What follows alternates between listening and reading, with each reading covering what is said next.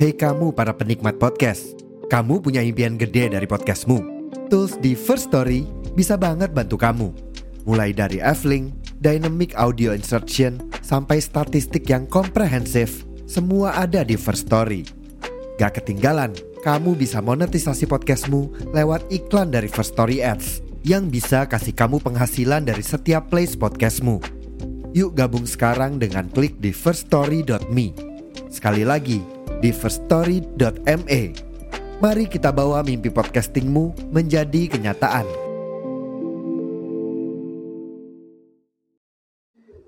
Check sound, check sound, one, two, three, check sound, check sound again, one, two, three.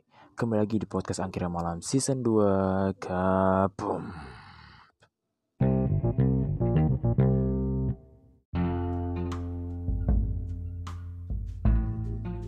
Oke, gimana kabar kalian semua? Semoga baik-baik aja ya. Gimana nih hari-hari ini ya? Bentar kan udah mau lebaran nih kan, udah mau idul adha ya kan pasti kita akan merayakan pesta-pesta makan kambing, makan sapi. Ya, maksudnya daging kambing dan daging sapi loh ya. Bukan makan kambing beneran utuh, bukan ya guys ya. Oke, kali ini gue ingin ngebahas tentang what is the meaning about stoicism gitu stoisme gitu ya kan. Di karena kan gue kan habis baca buku kan salah satu buku bagus ya meskipun ya mungkin terdengar kayak fik bukannya kelewatan zaman fik gitu. Kalau misalnya lu baca baru filosofi teras gitu fik. Ya menurut gue ya menurut gue ya it's okay okay aja sih menurut gue ya. Dikarenakan ini tuh akan merelate semua seperti yang kayak di kemarin-kemarin episode sebelumnya itu karena kemarin kan siapa uh, gue ngejelasin gitu kan tentang apa tuh tentang red flag yang satu ya tentang pengalaman absurd yang baru yang baru ya episode yang lama eh bukan baru yang baru kemarin yang baru up baru ke up. Setelah itu masih banyak yang banyak lah episode-episode yang sangat relate. Nah sekarang gue akan buat episode yang paling relate lagi tentang filosofi teras. Jadi apa sih teras itu? Lagi ya apa sih filosofi teras itu? Jadi begini ini sebenarnya kita akan jelasin dari background ceritanya dulu. Kenapa sih filosofi teras itu muncul gitu ya kan guys ya? Jadi begini jadi kira-kira 300 tahun sebelum Masehi, perkiraan itu 2300 tahun silam itu ada namanya seorang pedagang dari Siprus, yaitu sebuah pulau yang di sebelah selatan Turki bernama Zeno. Nah, di Zeno ini seorang Z, apa Bapak Zeno atau Mas Zeno atau Om Zeno atau siapa pun namanya itu itu melakukan perjalanan kawan-kawan dari Poinisia sampai ke Pierus dengan kapal lautnya melintasi laut dan melewati laut Mediterania seperti itu kawan-kawan. Nah Zeno ini kan pedagang dia itu membawa barang-barang dagangan. Nah dia itu menjual sebuah pewarna tekstil guys yang berwarna ungu. Yang di mana warna ungu itu paling paling mahal. Yang paling paling sangat mahal banget. Dikarenakan ini warna yang sangat dipakai oleh kerajaan-kerajaan di masa itu kawan-kawan. Ya kan? Nah pewarna itu dibuat ya sekali lagi ya pewarna ini dibuat oleh eh sorry. Pewarna ini dibuat dengan berdahan da, berbahan dasar siput laut dengan eh, diekstrak si itunya si siput lautnya itu mungkin minyaknya mungkin dagingnya atau aku nggak tahu. Tapi yang aku baca secara sumber-sumber yang mengatakan bahwa dia tuh mengekstrak si siput laut itu ya kan? Dan menghasilkan hanya beberapa gram ekstrak pewarna saja kawan-kawan. Jadi uh, itulah menyebabkan si pewarna tekstil ungu ini tuh mahal karena tuh udah dikit mahal, langka, dan sulit untuk diekstrak juga lagi kawan-kawan. Seperti itu. Nah, boleh lanjut lagi ya kawan-kawan ya. Jadi setelah Zeno ini melakukan uh, apa ya, pada apa ya, uh, penjelajahan uh, laut di laut Mediterania. Nah, di tengah-tengah jalan dia terkena nama itu musibah. Nah, kapal yang ditumpangi oleh Zeno ini itu karam atau tabrakan atau rusak ya kan? Yang mengakibatkan kehilangan seluruh barang dagangannya maksudnya pecah atau apa pun itu namanya kawan-kawan yang sangat mahal. Plus dia tuh terdampar di Athena. Ya Athena itu Yunani itu kalau Athena dulu nama Yunani itu nama dulu itu nama Athena gitu ya kawan-kawan. Kalau misalkan gue salah tolong dikoreksi ya kawan-kawan ya. Di tolong di DM atau apa itu oke? Kalau lanjut lagi. Jadi setelah Zeno ini nah, karam di Athena dia itu mencoba, mencoba bertahan hidup gitu. Dengan kayak mengemis-ngemis ya kan? Coba sana sini pekerjaan. Tapi ya ujung-ujungnya dia itu akan apa ya bukan dia itu luntang lantung lah di kota tersebut ya kan? Nah di suatu hari si Zeno itu membaca sebuah buku filsafat yang bernama tuh yang di mana buku yang dibaca oleh si Zeno itu menjadi apa ya tertarik hatinya untuk bertanya dan pengen belajar tentang siapa sih yang punya ini buku gitu siapa sih yang nulis itu loh kawan-kawan. Kan? Nah si pemilik apa ya yang jual buku ini tuh ditanya oleh si Zeno pak ini yang nulis siapa? Gitu. Nah si penulis ini tuh eh bukan si pemilik buku apa ya penjual buku itu menunjukkan uh, rumah dari si penulis itu ya kan? Jadi Zeno nama si itu dianterin ke rumahnya. Dan kebetulan juga saat itu melintas melintaslah si Krates. Nah bagi yang tahu Krates ya dia itu satu filsuf terkenal di Yunani ya kan? Nah itu merupakan seorang salah satu filsuf aliran Sainik Sinik Sainik Sinik whatever nama itu. Dan juga uh, si Zeno pun mengikuti Krates tersebut dan belajar filsafat kepada dirinya. Nah setelah waktu demi waktu berlalu setelah belajar sana sini si Zeno Krates maupun ke filsuf lain dia tuh mulai mengajar filosofinya sendiri. Dan ia senang mengajarnya di sebuah teras berpilar. Nah makanya itu dinamakan filosofi teras. Di, jadi filosofi teras itu berawal dari kata bahasa Yunani adalah stoa gitu kawan-kawan. Ya kawan-kawan. Jadi itu ya ini tuh stoa itu arti dalam bahasa Yunani adalah uh, apa teras gitu loh. Nah, tapi uh, setelah uh, si apa namanya Zeno ini mengajarkan filosof filosofinya kepada orang-orang yang ia diajari, nah orang yang diajari itu makin lebih banyak gitu loh. atau lebih tepat kayak pengikutnya itu lebih banyak ya kan sehingga sehingga muncullah kata stoicisme atau stoicism seperti itu kawan-kawan. Nah, jadi ya berawal dari Zeno yang apa ya yang awalnya itu nggak tahu apa sudah kena karam ya kan sudah kena musibah habis itu lontang lantung habis itu nganggur ya kan. Tapi tetap belajar gitu tetap belajar kepada Krates sang filsuf. Nah makanya itu fungsinya belajar adalah kita kalau misalkan bisa memegang ilmu itu akan bisa menguasai dunia. Belum arti kayak seperti itulah. Itu menurut gue gitu aja. Lanjut. Nah setelah uh, filosofi stoicisme, stoicisme atau stoicism itu berkembang nah uh, itu dikembangkan lagi kawan-kawan. Ya kan? Dikembangkan lagi oleh filsuf dari kekaisaran Romawi ya kan? Seperti ada namanya Chrysippus dari Soli ya kan yang keduanya ada Cato de Jonge dari Roma. Dan masih banyak lagi gitu. Ya kan? Yang juga itu ini itu apa ya mengembangkan pemikiran-pemikiran tentang sto stoicisme gitu. Nah kalau misalnya ditanya bang bang kalau misalnya menerapkan stoicisme atau perkembangan stoicisme di masa sekarang itu gimana bang? Nah begini kawan-kawan ya. Jadi pada abad 21 ya kan di belahan dunia barat sana eh ngana gitu ya ngana ya kan itu uh, siapa ya muncullah para penulis-penulis handal atau para filsuf-filsuf modern seperti kayak ada namanya William Irvin, Tim Ferriss, Ryan Holiday, dan Massimo Pigliucci. Nah, mereka itu adalah orang-orang yang mengembangkan kembali stoicisme di masa modern. Nah, dan juga pada apa ya namanya di masa sekarang atau masa kita itu setiap acara tahunan atau setiap tahunnya itu meng apa ya menyelenggarakan namanya minggu stoik atau stoik week Ya, itu pada bulan Oktober sampai November. Nah, itu bagi yang para pengikut stoicisme itu dengerin tuh ada bulan Oktober sampai November seperti kawan-kawan. Nah, misalkan ditanya ya kan? Kalau misalkan ditanya, "Bang, kalau di Indonesia ke priwe, Bang?"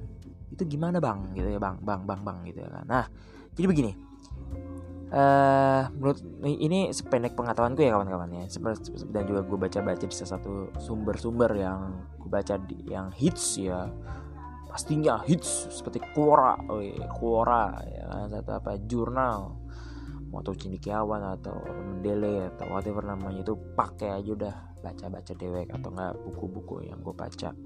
Itu mengatakan bahwa jadi uh, secara itu konsep stoicisme ya ini hasil terjemahan oleh Romo uh, Setno Wibowo SJ dia ya, dengan di bukunya itu adalah The Way of Life. Dia mengatakan bahwa ajaran sto stoicisme ini tuh sangat apa ya dibilang mengajarkan positive thinking enggak melarang kita berpikir negatif juga iya jadi ya simbang lah sangat sangat bersimbang Kenapa? Begini ya, ini kita langsung ambil konsep deh. Kita ngomong tentang positive thinking ya. Pada abad eh, pada du, pada tahun 2000-an ke bawah ya pada tahun 2000-an atau berarti tahun 1999, 1999, 1967, 1960 itu muncul kata-katanya be more positive thinking ya kan be more positive thinking kita kita berpositive thinking aja lebih gitu loh mas jadi setelah gue pelajarin ternyata positive thinking itu awalnya baik tapi setelah uh, dibaca-baca kembali kata oh positive thinking merupakan bentuk kita menipu otak kita menipu pemikiran kita menipu semua yang kita rasakan untuk menjadi kayak yaudah itu hanya berlalu tok gitu loh. Hanya berlalu saja gitu kawan-kawan. Biarin aja it's okay. Never mind gitu. Contoh gini gue penerapan. Kayak misalkan lu, lu baru putus nih. Lu baru putus sama pacar lu ya kan. Tiba-tiba lu tuh menipu kayak ya udahlah masih baik ikan di laut. Biarlah gue sebanyak teman-teman gue ya udah gue bisa melakukan aktivitas yang lebih bermanfaat. Ya mungkin secara satu sisi kayak terdengar kayak wah keren. Tapi itu bentuknya adalah bentuk pemikiran yang apa bahasanya ya menipu diri sendiri gitu kawan-kawan menipu kita tuh kayak harusnya harusnya kita yang yang mengalami terang itu ya kita bersyukur bersyukur bahwa oh kita sudah merasakan itu apa merasakan itu berarti kita sebagai bentuk pengalaman kita nah bentuk implementasinya ya mungkin kalian seperti yang gue bilang tadi kayak melakukan tindakan melakukan tindakan yang positif tapi jangan sampai kayak menipu gitu loh ya, contoh gue konsep-konsep yang lain deh gini lu terjebak macet ya kan? Lu terjebak macet lu lagi kadang malam di tol Jakarta macetnya itu 12 jam tapi ditunggu oleh oleh so, apa oleh istri dan anak-anak lu atau nggak keluarga lu untuk balik cepet ya karena kan untuk merayakan hari ulang tahun salah satu anggota keluarga lu ya kan? Nah berhubung lu udah capek banget apalagi mobil udah ya ampun dah udah wah kolot lah tua banget gitu. Tapi kadang-kadang kayak ih gue mending gue positif kayak santai aja gitu loh bro gitu. Palingan ya sejam lagi jalan gitu. Padahal lu tahu bahwa macetnya itu tuh lebih dari sejam gitu kawan-kawan. Itu bentuk itu positive thinking yang sangat menipu gitu loh. Sangat agak meriskankan atau beresiko. Sangat apa bahasanya ya tidak apa bahasanya ya eh tidak relate dengan apa yang terjadi di saat lu mengalami gitu loh kawan-kawan. Sangat itu sangat bahaya. Jadi alangkah baiknya ya adalah kita bersyukur bahwa oh tata kita lagi begini. Bagaimana cara menghindarinya? Kita kabarin kabarin kayak gitu kabar orang tua atau apa pun itu anggota keluarga supaya maaf ya eh, aku aku pulangnya telat nih gitu loh. Karena kan lagi macet. Ini gitu lah. Ini tuh berpositif thinking tuh boleh tapi jangan sampai apa ya bilang menipu diri sendiri ya bahaya juga gitu loh. Intinya ya tengah-tengah lah seperti kayak kata stoicisme gitu stoism gitu. Nah teman-teman ya guys ya. Jadi ini gue balik lagi pada tujuan utama dari stoicisme atau filosofi teras gitu ya yang dikembangkan oleh Bapak Zeno di zaman Yunani gitu. Jadi uh, tujuan dari adanya stoicisme itu adalah kita tuh hidup bebas dari emosi negatif. Contoh hidup hidup negatifnya adalah sedih marah cemburu baper atau kesel. Apa namanya itu? Itu terbebas dari namanya ya, emosi negatif. Ya tujuannya adalah untuk mendapatkan hidup yang lebih tentram. Nah tentraman ini tuh yang hanya bisa diperoleh dengan memfokuskan diri kita pada hal-hal yang kita bisa kendalikan. Contoh kayak tadi ya kan? Kita bisa mengaturkan diri emosi kita mengatur keuangan kita mengatur time management kita ya kan? Itu bisa kita kendalikan gitu kawan-kawan ya kan? Yang kedua adalah hidup mengasah kebajikan. Maksudnya apa? Jadi uh, ini salah satu uh, kata satu yang ini namanya virtues yang artinya adalah keutamaan. Jadi ada empat kebijakan utama, yaitu satu adalah kebijakan wisdom, eh, sorry kebijakan atau namanya wisdom itu mengatakan bahwa kemampuan kita untuk mengambil keputusan terbaik di masa-masa atau situasi apa pun itu pertama kan kawan-kawan. Yang kedua ada namanya keadilan atau justice. Ya, yang, yang namanya adalah memperlakukan orang lain dengan adil dan jujur. Nanti adalah keberanian atau courage, kan encourage. Itu ini itu pecundang kalau encourage gitu ya. Tapi ini courage. Jadi artinya adalah keberanian kita berbuat sesuatu yang benar dan berpegang pada prinsip tersebut dengan baik dan seksama. Oke jadi ya kita tuh sebagai hidup manusia itu harus berani. Meskipun itu sangat beresiko harus berani. Contohnya gini lu udah ngomong benar tapi temen lu ini tahu bahwa kalau misalkan lu ngomongin tentang kebenaran ini profesi yang dia. Jadi itu terancam. Contoh gini temen lu berdua ini satu anggota uh, organisasi ya kan? Padahal apa ya BPH acara atau intinya itu tahu bahwa si BPH ini tuh lagi melakukan penyelewengan atau bentuk kayak ya udah semaunya dewek lah gitu loh. Tapi karena temen lu takut uh, takut apa ya posisi dia itu hilang padahal lu atau padahal lu tuh tahu lu tuh lu tuh kalau misalkan katakan itu benar tapi itu mengancam posisi dia. Dan juga kalau misalkan si lu itu bahasanya apa ya mengatakan itu bahwa lu siap-siap akan ketendang dari or organisasi tersebut ya kan? Itu bentuk keberanian. Lu pegang sekuat mungkin. Meskipun harus terancam meskipun harus kayak fight with your friend fight your apa sorry fight uh, apa ya against uh, apa ya senior lu. Lawan aja gitu lawan aja. Lawan nggak apa-apa. It's okay. Never mind gitu. Santai aja. Relax. Ya kan?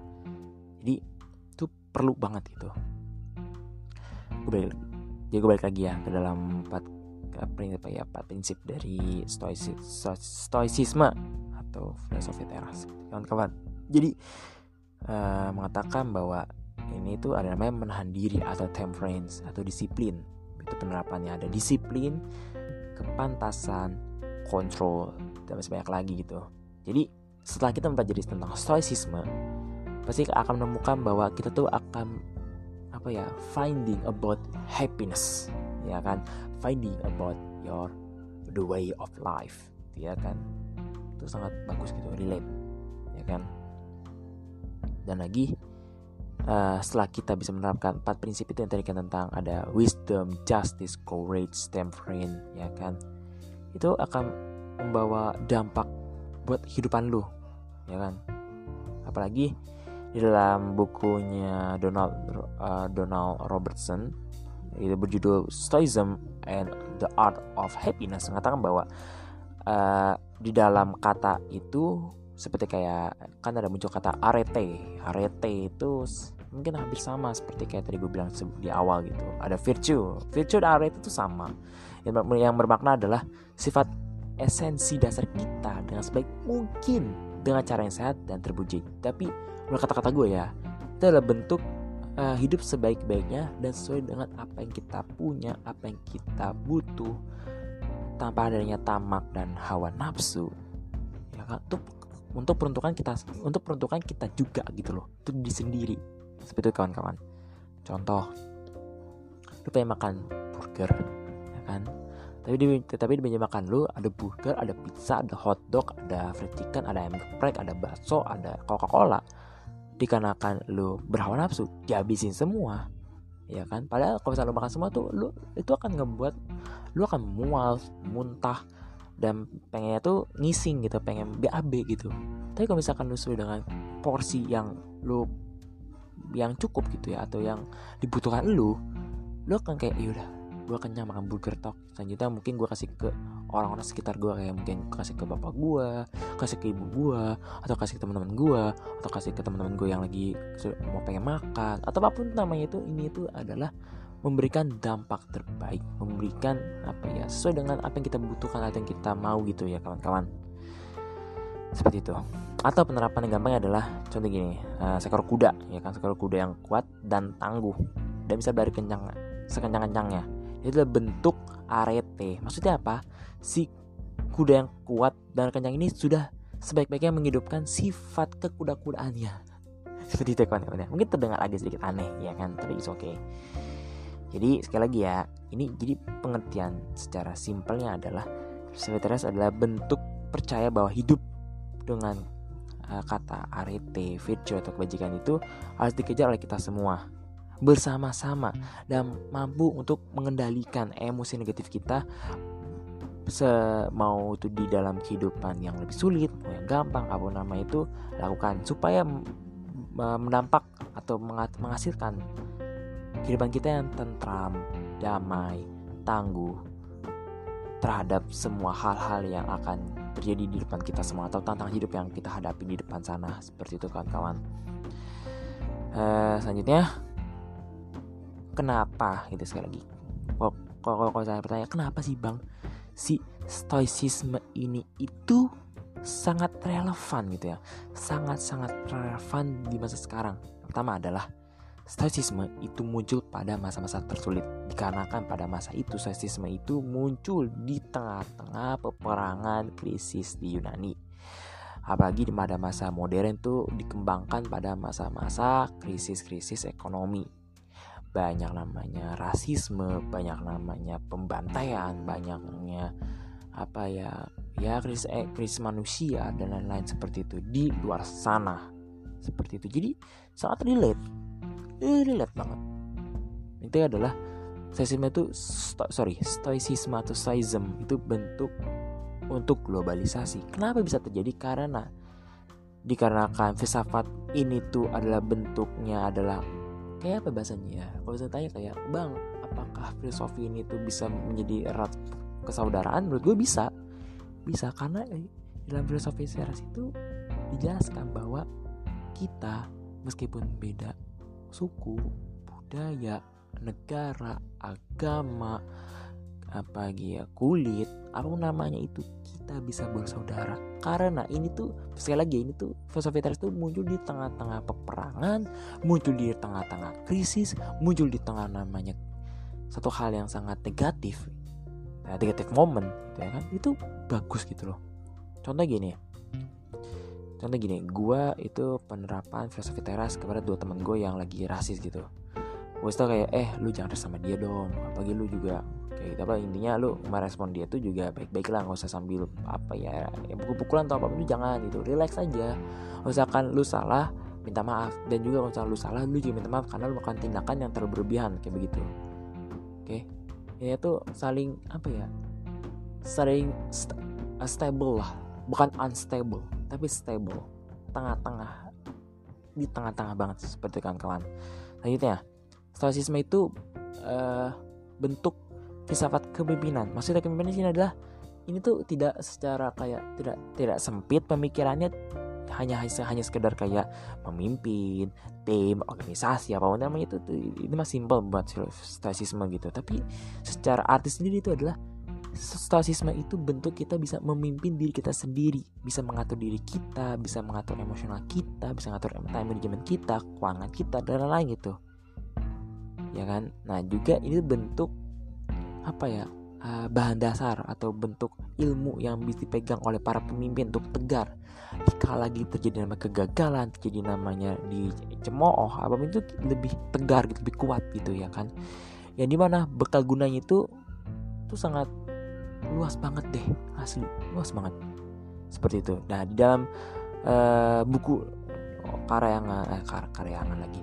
Karyanya Ryan Holiday yang berjudul The Daily Stoic. Yang dia memaparkan bahwa uh, mempelajari stoicisme itu dalam kehidupan seperti eh apa ya ini ini ini tuh langsung menerapkan kayak seperti mantan presiden Serikat Bill Clinton yang apa ya di apa ya di bahasanya kayak dicemooh kayak diragukan tapi dia tuh bisa membuktikan bahwa dia tuh mampu menjadi presiden Amerika. Seperti itu. Atau sorry uh, Bill Clinton itu mantan presiden saya lagi maaf ya mantan presiden mantan presiden itu mampu. Selanjutnya adalah aktris Anna Kendrick. Dulu anak Kendrick itu kalau misalnya kalian cari itu dulu itu itu juga sama seperti kayak Bill Clinton kayak di apa ya di diragukan itunya bakatnya diragukan secara apa yang dia punya dan kayak tidak pantas. Tapi dia tuh bisa membuktikan dengan prestasinya. Bahwa dia tuh mampu menjadi aktris terkenal sekarang. Nah itu ada namanya Tom Hiddleston. Nah itu juga sama apalagi jika kalian tahu namanya J.K. Rowling ya penulis Harry Potter itu dia itu kita tahu sendiri lah si J.K. Rowling itu menghasilkan buku Harry Potter tuh pada saat umurnya si J.K. Rowling tuh udah tua itu baru meledak si buku Harry Potternya karena dulu tuh orang kayak ih kok ada buku namanya tentang sihir sih padahal ya apa ya wagu absurd kayak gak jelas lah. Tapi setelah orang baca kayak wih seru juga ya.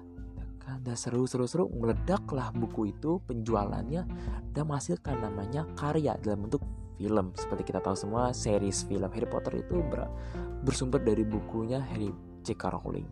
Seperti itu. Jadi itulah bentuk apa ya stoicisme. Jadi bagi kalian yang lagi kayak aduh gue suntuk banget nih bre gitu ya kan? Gue pengen menjadi orang yang mau bener aja.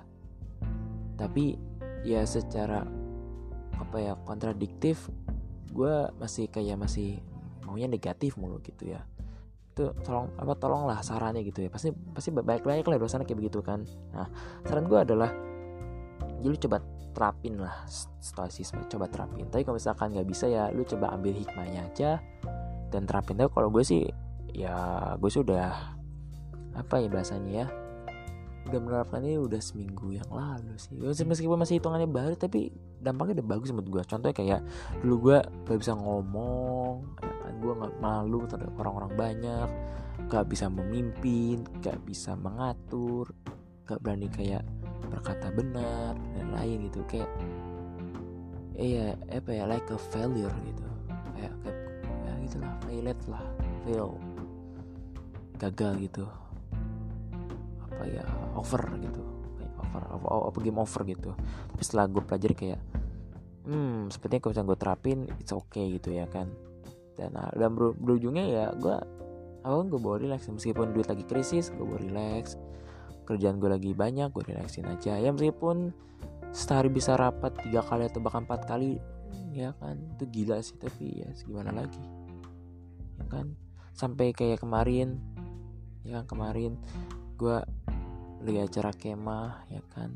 Sehari pulang pagi paginya langsung jadi panitia acara capek baru kelar tuh sore. Setelah itu abis asar langsung rebah-rebahan mak itu ya udah gue nitip makan ke temen gue dan gue nunggu itu sampai itu gue sholat asar sholat tidur bangun makan. Uh, sholat maghrib tidur lagi bablas sampai jam jam setengah sepuluh ya kan setengah sepuluh baru gue sholat isya. Tapi apa kalau bisa kalau bisa ditanya Fik gue itu capek, capek banget ya Fik ya? Ya capek tapi gue bawa kayak it's okay dibawa relax aja gitu loh. Meskipun kayak terjadi kayak Fik gue tuh lagi miskom nih Fik di kala gue organisasi ya udah santai aja bahwa ya, ya, ya, ya, juga namanya gini loh. Ini juga kayak lu tuh lagi berorganisasi. Pasti banyak orang-orang yang berbeda sendiri berbeda dengan lu berbeda secara teori ide. Makanya itu gue ini kalau misalnya ditanya kayak fake kalau di masa rapat atau masa lagi kongres itu gue paling diem banget sih? Dikarenakan gue tuh lagi pengen ngeliatin apa ya ide-ide orang gitu. Pengen ngeliat kayak ini orang kalau misalkan menanggapi gimana? Kalau misalkan dia ngomong gini gimana? Kalau misalkan ada terjadi namanya permasalahan orang-orang yang lagi ikut kongres itu pas gue juga gimana? Gitu ya kan. Jadi gue tuh hanya melihat mengamati menganalisis baru gue mencari apa ya lobang atau namanya itu jalan pintas atau namanya ya apa ya uh, bahasa ini habis itu namanya uh, kesimpulan gitu loh. Supaya ketika lagi gue bisa terapin atau jika lagi ada kayak penentuan yang ada di gue gue bisa kayak oh gini cara gini gini, lah ya, seperti itu. Itu benar-benar kayak itu sangat-sangat bagus banget dah. Bener asli. Bagus banget. Uh, tapi ya kalau saya tanya kayak apa ya bahasanya ya bang kalau misalkan penerapan itu kayak gue ini kan lagi kesulitan kerja nih bang. Ya kan itu penerapan gitu ya penerapannya gue lagi kesulitan kerja. Gue secara bakat dikit secara keilmuan dikit secara apa ya gue nggak berani melakukan tindakan yang gue mau. Nah itu, semua itu pastinya berarti ada yang salah dari diri lu. Sekali lagi ada yang salah salah kok salah salah? Ada yang salah dari diri lu dikarenakan lu nya itu tidak bisa mengolah apa yang lu mau. Seperti yang tadi gue bilang kalau misalkan lu butuhnya apa lu lu ambil. Tapi kalau misalkan lu hawa, kata hawa nafsu lu gak akan bisa mendapatkan itu. Betul kan kawan? Contohnya gini lu pengen kerja menjadi OP tapi mau rangkap CEO gimana? Nggak bisa gitu loh nggak bisa. It's, it's very very impossible gitu it's very impossible it's very very possible jadi misalkan kalau mau ya lu sesuai dengan takaran yang mau. Karena lu bakatnya kurang ya lu belajar atau lu sorry, sorry maksudnya gini ya, lu secara bakat dan ilmu kurang ya lu belajar dan lu mencari pengalaman itu. Nah cara apa ya lu belajarin buku-buku yang yang lu pengen lu pelajari atau kayak lu pengen maunya apa? Kalau misalnya lu lemah jadi akuntansi lu belajar tentang akuntansi. Kalau misalkan lu maunya menjadi geografi lu belajar tentang buku geografi. Dan kalau misalkan lu pengen jadi jago sejarah lu belajar tentang buku sejarah seperti itu. Ya kan? Misalkan lu nggak itu ya lu gimana mau sukses gitu ya kan? Seperti itu. Ya. Atau gini deh kita balik pada masa percintaan ya kan kayak gue kan lagi teman cewek nih bang. Gue pengen nembak dia. Gue pengen menyatakan cinta kepada dia. Tapi gue takut karena gue itu hanya modal apa ya? Keberanian. Dan juga gue secara ekonomi kurang. Gue gue nggak punya gue nggak punya motor tapi mau gue dikit. Ya ya menurut gue sih dibawa percaya diri aja. Beranikan dia enjoy your moment gitu. Menikmatin aja momen lu gitu. Loh kayak misalnya gini. Ini ini ini, ini tuh dari langsung true story ya. Jadi gue kan orang jauh. Gue akrab lah. Akrab dengan sama dengan hmm, apa ya menjadi pasangannya dia gitu loh. Ya pasangan gue ini secara ekonomi di atas gue lakuin di atas gue secara keilmuan juga di atas gue mau itu agama mau itu cara kehidupan juga di atas gue tapi gue mampu mampu. Dan berarti kayak bisa dengan diri dengan cara gue tuh menunjukkan apa yang gue punya yang gue sudah lakukan di masa-masa belajar ya kan? Mungkin cetek dapat akrab atau dalam arti menjadi pasangan dan sampai sekarang ya ibu mamanya meskipun keseringan berantem keseringan bahasanya kayak I want to be apa ya boyfriend friendnya itu ya itu bentuk usahanya loh kawan-kawan. Karena kalau misalkan usaha tanpa ada namanya apa yang apa ya niat dan kegiatan lo pengen dapetin itu ya is very possible ya sulit banget didapatkan. Sama hal kayak lu ini ini, harus penerapan kepada hafalan Quran ya. Gue punya banyak teman gitu apa ya punya teman-teman yang pengen punya hafalan Quran gitu. Masuk gue juga gitu.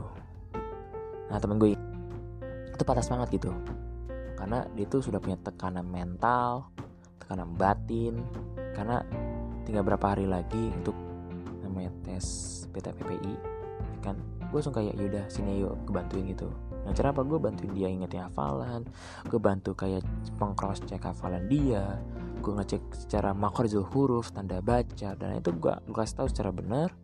Dan ya itu dia juga butuh namanya usaha itu loh. Itu butuh, butuh itu butuh usaha banget. Sampai dia kan kita drill seminggu gitu. Gua sorry gue cerita gue drill dia tuh seminggu lebih. Dan hafalan dia itu sekarang udah al buruj padahal dia tuh nggak hafal. Dia tuh hafalan awalnya kan baru hanya anas alfalak ali kelas sampai aduh hatok tapi aduh atasnya itu gue ajarin. Dan itu itu penuh kayak is very very apa ya sangat progres lah. Bukan regress tapi progres gitu loh. Sangat berkembang lah dan sekarang kan di PR gitu sama apa ya PR lah dari ustadz gue lah. Nah itu kayak suruh hafalan anaba gitu. Berhubung gue bisa dan gue bisa gue selalu ingetin dia selalu kayak cek cross cek hafalan gue coba bantu makhrajul huruf secara tanda baca dan lain gitu ya kan. Dan itu berhasil gitu dia dia hafal 10 ayat anaba loh. Keren loh. Itu hafalan surat anaba tuh keren menurut gue ya bagi orang yang awam hafalan Quran loh. Awam banget tuh 10 slide pertama dalam waktu dua hari tuh keren loh. Sumpah keren banget. Ya gue nggak tahu sekarang nih hafalannya udah apa ya udah memang sekarang. Maksudnya mati kayak dikarenakan kelar BTPP udah kelar terus tuh Ustadz Aing lagi lagi pergi ke Kendari. Jadinya gue nggak tahu nih hafalan dia udah apa sudah sampai mana. Apalagi ini kan lagi udah mau apa ya bahasanya apa ya udah mau libur panjang. Ya kan libur panjang. Nggak saat saatnya untuk kayak it's time to apa ya close the book close everything. Takutnya gitu jadi malah lupa semua. Jadi gue selalu ingetin kayak gue ya hafalan gitu. Bre hafalan coba sini gue cek hafalan lo gitu begini gini dan ya itulah bentuk gue penerapan stoicisme kehidupan gue gitu. So mungkin segitu aja ya untuk penerapan stoicisme. Ini ini, ini kayak sih baru part satu untuk stoicism atau filosofi teras dikarenakan masih banyak yang perlu gue terangin kepada lu pada ya kalau misalkan kalian suka tolong aja di, apa ya di DM aja ya kan gue di DM baik lah. Di at f titik Hilah P02 itu uh, akun Instagram official gue atau enggak lu bisa juga ke DM Instagram partner gue atau podcast gue itu Bundario namanya Otrai apa Victorio o, garis bawah Otraigus. Ya seperti itu. Victorio garis bawah Otraigus itu apa ya punya temen gue itu lu bisa tanya apa bisa request apa request kepada dia atau follow juga gak apa-apa. Ya seperti itu aja ya kawan-kawan ya. Ini gue nge-record nih jam jam 2 sangat capek. Karena besok pagi gue juga butuh namanya perelaksan tapi eh, race gue adalah bentuk lomba. Ya gitulah ya guys ya. Oke segitu, segitu aja podcast angkringan malam season 2 part berapa ya pak? Episode berapa ya 8 atau 9 ya?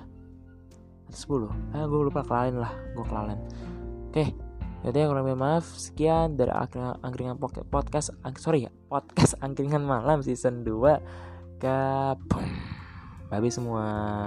Dah tidur tidur tidur tidur. Yuk. Tim tim matiin tim matiin matiin matiin matiin miknya matiin kita balik